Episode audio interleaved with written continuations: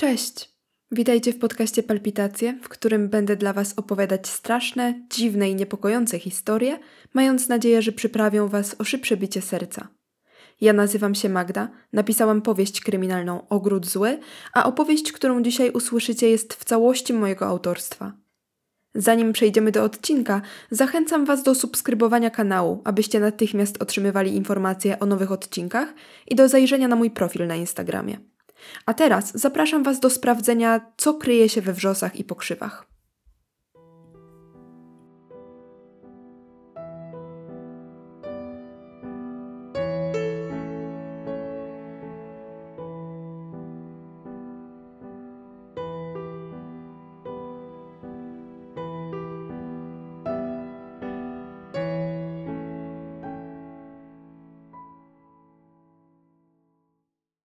Jestem wiedźmą, jak moja matka i babka przede mną. Nie wiem, od ilu pokoleń kobiety w mojej rodzinie parały się czarami, ale z całą pewnością magia pochodzi z krwi. Nie ma innej drogi, by ją przenosić. Nie da się jej udzielić dotykiem, śliną, śluzem ani kośćmi.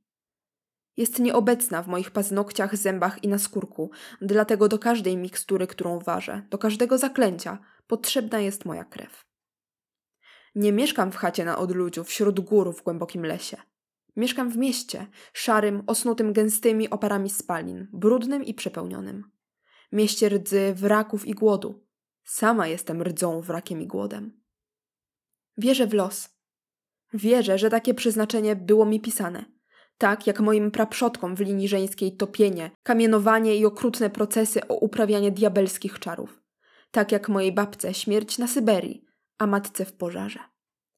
Ogień znalazł ją nawet po tych wszystkich wiekach wolnych od przesądów i stygmatyzacji, od przekonania, że wiedźmy są złe, że tańczą w dniu przesilenia bez ubrań na szczytach gór i gotują ludzkie ciała, by wydobywać z nich cenne kości. Spaliła się w nim tak, jak w miłości do mojego ojca, który porzucił ją z małą córką noszącą w żyłach zatrutą krew. Matka nie chciała, choć pewnie by potrafiła, nauczyć mnie czym dysponuję, co oznaczają moje wyostrzone zmysły, to jak działam na ludzi, jak mój dotyk uspokaja zwierzęta. Może bała się wyjaśniać dziecku, czym jest czarownica, a może nie chciała wierzyć w to, że i mnie spotka ostracyzm, wyobcowanie, tak jak ją. Dlatego nigdy w opowiadanych bajkach na dobranoc nie wspominała o wiedźmach. Nie słuchałam historii o królewnie Śnieżce i zatrutym jabłku. Nie znałam złej czarownicy z baśni o śpiącej królewnie. Ale to wcale mnie nie uchroniło. Nie sprawiło, że mogłam żyć normalnie, bo nie rozumiałam siebie. Gdy byłam małą dziewczynką, matce łatwo było wytłumaczyć wszystkie zjawiska dziejące się wokół nas dość naturalnie, bym uwierzyła w jej kłamstwa. Byłam naiwna i ufałam jej bezgranicznie, bo była jedynym, co miałam. Ale kiedy urosłam, kiedy moje biodra się zaokrągliły, kiedy po raz pierwszy popłynęła krew, a dziecinne piegi zniknęły z mojej twarzy, nagle wszystko się zmieniło. Matka nie była już wyrozumiała i gdy szklanka roztrzaskiwała się na stole, kiedy się denerwowałam, biła mnie zamiast uspokajać. Gdy mężczyźni, starsi i młodsi, wbijali we mnie otępiały, pusty, głodny wzrok, szarpała mnie za nadgarstki i długie włosy. A kiedy sprawiłam, samą siłą woli, tylko dlatego, że tak potrafiłam, że dziewczynie, która dokuczała mi w szkole, popękały wszystkie zęby, zatrzasnęła mnie w pokoju na dwanaście dni i dwanaście nocy, każąc mi modlić się na kolanach, aż będę miała je zdarte do krwi. Nie modliłam się. Chociaż nie rozumiałam swojego rodowodu ani dziedzictwa, nie byłam głupia. Wystarczyło sięgnąć do książek, nawet śmiesznej beletrystyki, by poznać niewiarygodną odpowiedź na to jedno podstawowe pytanie. Kiedy skończyłam 16 lat, miałam już wiedzę, pielęgnowaną starannie i chowaną przed matką w najgłębszych zakamarkach, kim jestem, co we mnie tkwi i co mogę zrobić, jeśli zechcę. Zajęło mi wiele czasu zrozumienie, jak mogę używać swego daru albo swego przekleństwa, za które przecież uważała je matka. Dopóki żyła, mogłam zgłębiać swoje zdolności jedynie nocami, a gdy umarła, zaczęłam szukać kogoś, kto podzieliłby się ze mną tajemnicami, jakich nie mogłam odkryć sama. Bo musicie wiedzieć, że nie istnieją grymuary wprowadzające młode dziewczyny w arkana czarnej magii, ani lektury zapewniające wiedźmom wiedzę w zakresie magii białej. Wszystkie przepisy alchemiczne, receptury na trucizny i lekarstwa, sposoby opatrywania ran i użyczania chorym swej witalności, wszelkie zaklęcia tkwią w głowach starych kobiet których większość ludzi się obawia albo nawet lęka, a nie w książkach. W książkach są kłamstwa, o czym przekonałam się na własnej skórze, próbując pojąć arkana czegoś nieodkrytego. Wycinałam w sobie samej rany i szukałam trupów potrąconych zwierząt przy drodze, chcąc stworzyć chowańca. Plotłam wianki z kwiatów i swoich włosów, próbując oczarować mężczyzn. W każdą pełnię księżyca moje piersi wzbierały mlekiem, które wlewałam do fiolek, by karmić nim ropuchy, a potem zbierać ich jad i wcierać go w skórę na twarzy. Dzięki temu miałam być piękna i mimo upływu lat niezmiennie młoda, ale zamiast tego miałam białą, chorą twarz i płakałam trucizną, która parzyła mi policzki. Więc, gorzka od porażek, ruszyłam szukać nauczycielki, mentorki, kobiety, która dałaby mi potrzebne nauki, przerzuciła na mnie ciężar swojej wieczności. Nigdy nie byłam domatorką, nie przywiązywałam się do miejsc, dlatego w dniu śmierci mej matki zostawiłam bez żadnego żalu smutną, poczerniałą ruinę domu, w którym się urodziłam i wychowałam, i wsiadłam w pierwszy lepszy pociąg. Był marzec, gdy opuściłam rodzinne miasteczko. Nigdy nie zdałam matury, nigdy nie skończyłam szkoły, nie pożegnałam swoich przyjaciół i nigdy tam nie wróciłam.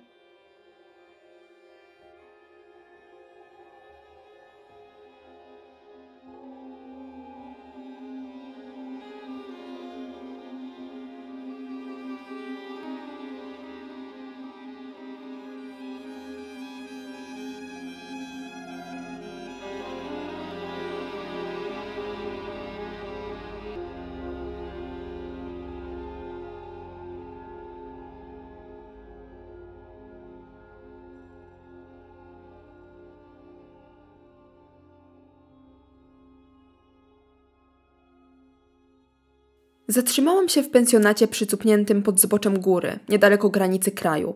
Obskurnym i brzydkim, ale tanim. Na nic lepszego nie było mnie stać. A później zostawiłam na łóżku swoją niemal pustą torbę podróżną i poszłam do najbliższego sklepu monopolowego. Nawet będąc tak młodą i niedoświadczoną kobietą, wiedziałam już, że jeżeli zamierzam wydobyć prawdę z drugiego człowieka, potrzebuję do tego krwi. Dlatego, gdy weszłam do środka i zobaczyłam sprzedawczynię o prostackiej, zaciętej twarzy, rozcięłam paznokciami wnętrze dłoni i rozmazałam szkarłat na zakurzonej ladzie sklepu. Wyjawiła mi wtedy wszystko, gdzie szukać lokalnej szeptunki, co o niej gadają w okolicy, jaką para się magią. Godzinę później byłam już w drodze, a idąc wśród drzew myślałam, że mam szczęście. Szeptunka była starą kobietą o krzepkiej posturze góralki, trudnym do zrozumienia akcencie i brzydkiej aparycji. Nie była sympatyczna ani miła, nie przypominała z wyglądu mnie albo mojej matki. Obie byłyśmy piękne, smukłe i strzeliste, o twarzach ostrych jak brzytwy, a ona była mała, okrągła i przysadzista. Ale była mądra i uparta. Czułam to tak samo, jak czuję, czy pies ma wściekliznę, albo czy dziecko umrze przed osiągnięciem dojrzałości. Dlatego, kiedy otworzyła mi drzwi swego domu, wiedziałam już, że mnie do siebie przyjmie. Może nie jak córkę, ale też nie jak ciężar. Do czego miałabyś mi być potrzebna, dziecino? Zapytała szorstko, zakładając sękate ręce pokryte obwisłą skórą na piersi. A czego potrzebujesz?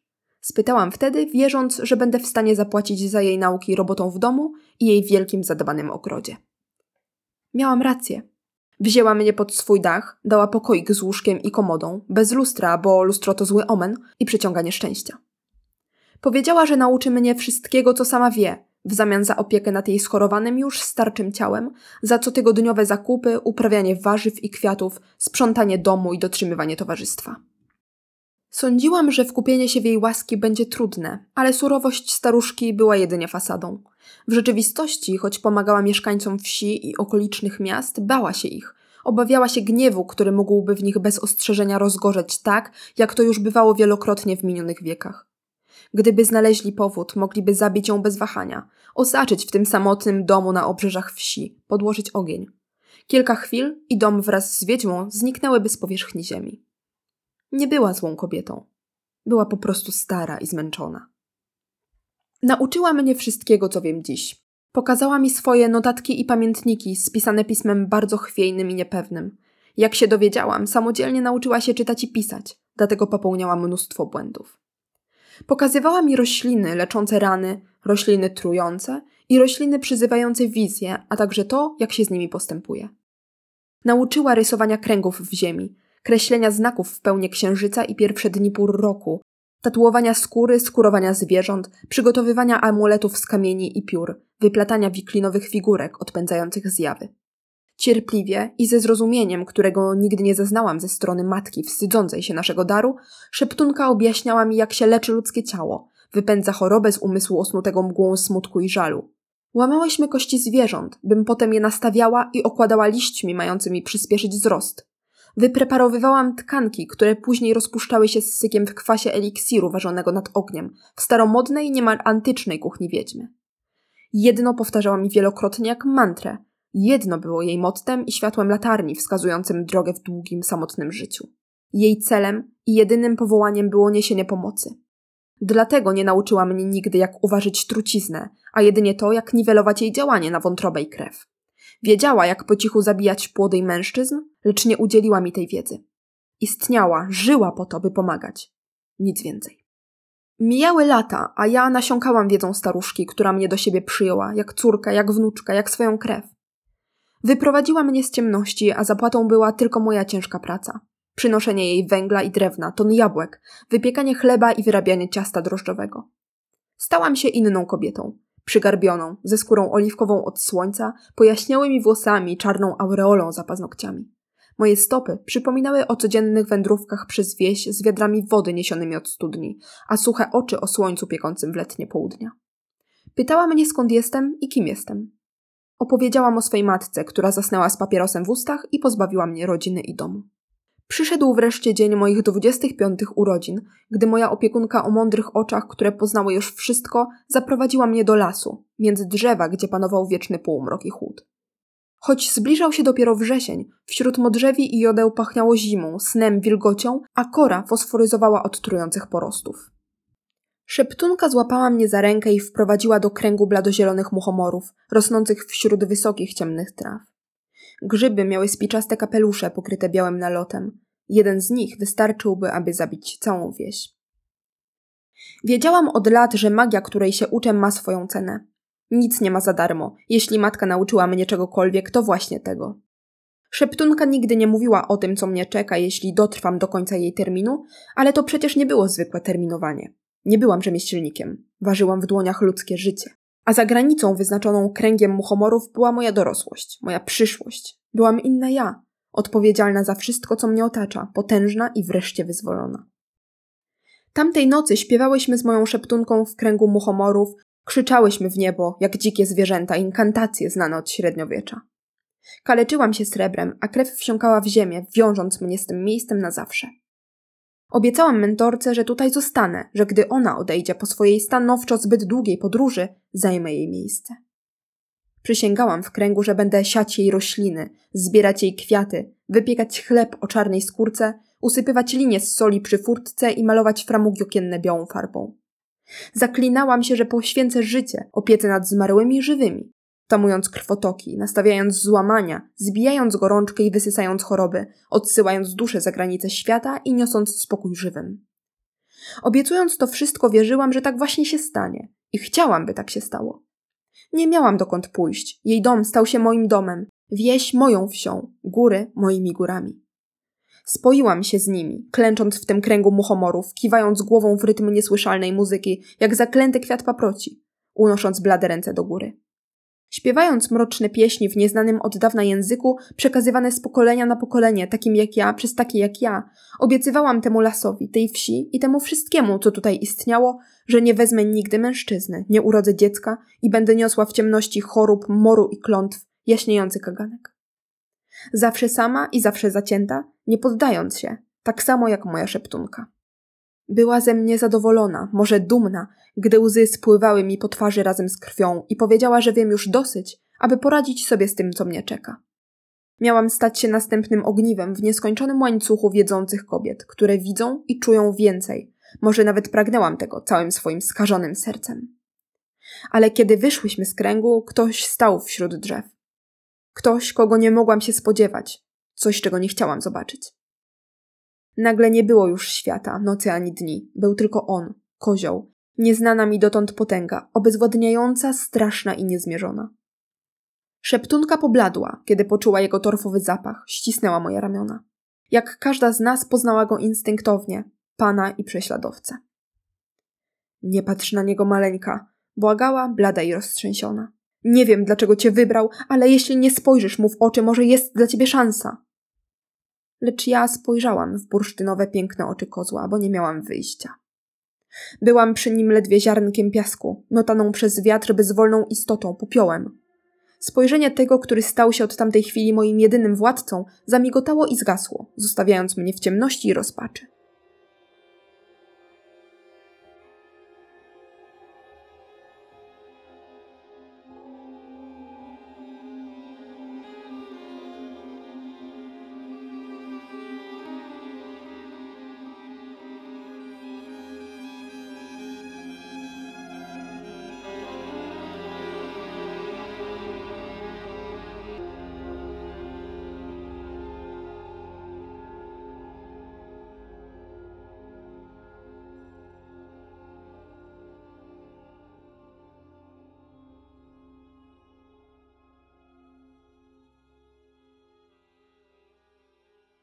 Po powrocie z kręgu muchomorów zdawało się, że czarko zła prysł.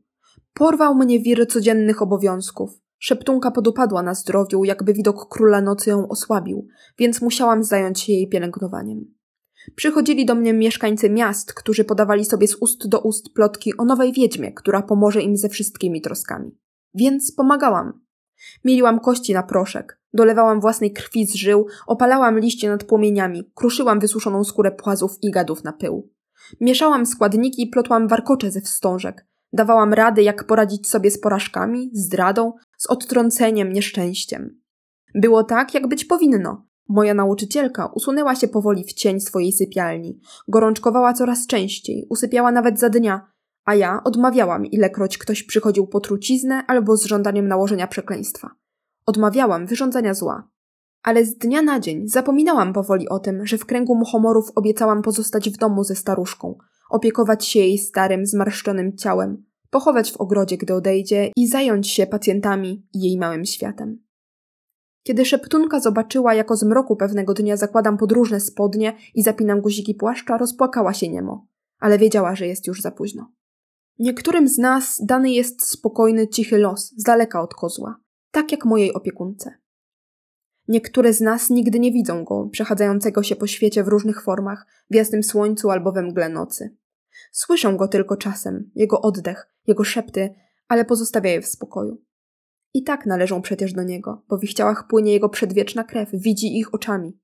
Wznoszą do niego prośby i błagania, składają dla niego ofiary, czasem ze zwierząt, czasem z ludzi, a czasem ze swoich dusz, w zamian za spokojne życie bez jego wszechwiedzącego cienia. Są też nieszczęśnice, które napotykają jego znużone spojrzenie. Wiedźmy takie jak ja. Wyszłam z domu szeptunki nocą, nie zważając na jej nawoływania i szloch.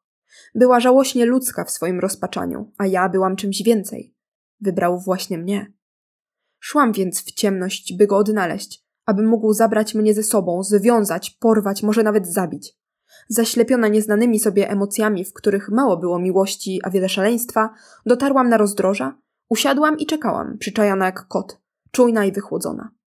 Ja, która nigdy nie zaznałam dotyku mężczyzny, nie znałam bólu pękniętego serca, nie znałam wolności, czekałam na mojego wspaniałego kochanka i oprawcę, niecierpliwie i bez obaw. Przybył po mnie. Nie wiedziałam, ile czasu upłynęło od mojego odejścia, ale mogły to być dni, a mogły być tygodnie.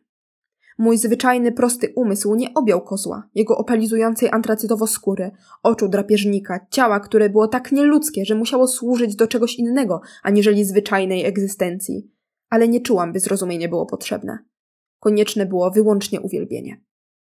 To, co ze mną robił, było upodlające i upokarzające. Ale pozostawiło mnie wreszcie spełnioną, tak szczęśliwą, że nie wadził mi ból, nie przeszkadzała niepewność, nie ogarniał strach. Zadowalał się mną tak długo, że przestałam liczyć wschody i zachody słońca, obiecując mi, że postawi dla mnie dom i zwróci mi wolność, kiedy urodzę mu dziecko. Będziesz moja przez całą wieczność. Będziesz piękna, dam ci wszystko, obiecywał mi król kłamstw. Nocą czasem zmieniał się w węża i wpełzał mi do ucha, pozostawiając śliski, zimny ślad za oczami. Widziałam wtedy jak przez mgłę, widziałam kamienne pustkowie, świat, który walił się w ruinę i składał na nowo w całość, gdy nadchodził dzień. Świat taki, jakim widział go kozioł. Wreszcie urodziłam mu dziecko. To był syn, który wrzeszczał w niebogłosy, gdy wycierałam z siebie swoją przeklętą, niedorzeczną, znienawidzoną krew. Syn miał małe, szare piąstki, miał zamknięte oczy i skórę pomarszczoną jak szeptunka, którą zostawiłam w innym życiu samej sobie. Ale kozioł nie chciał synów.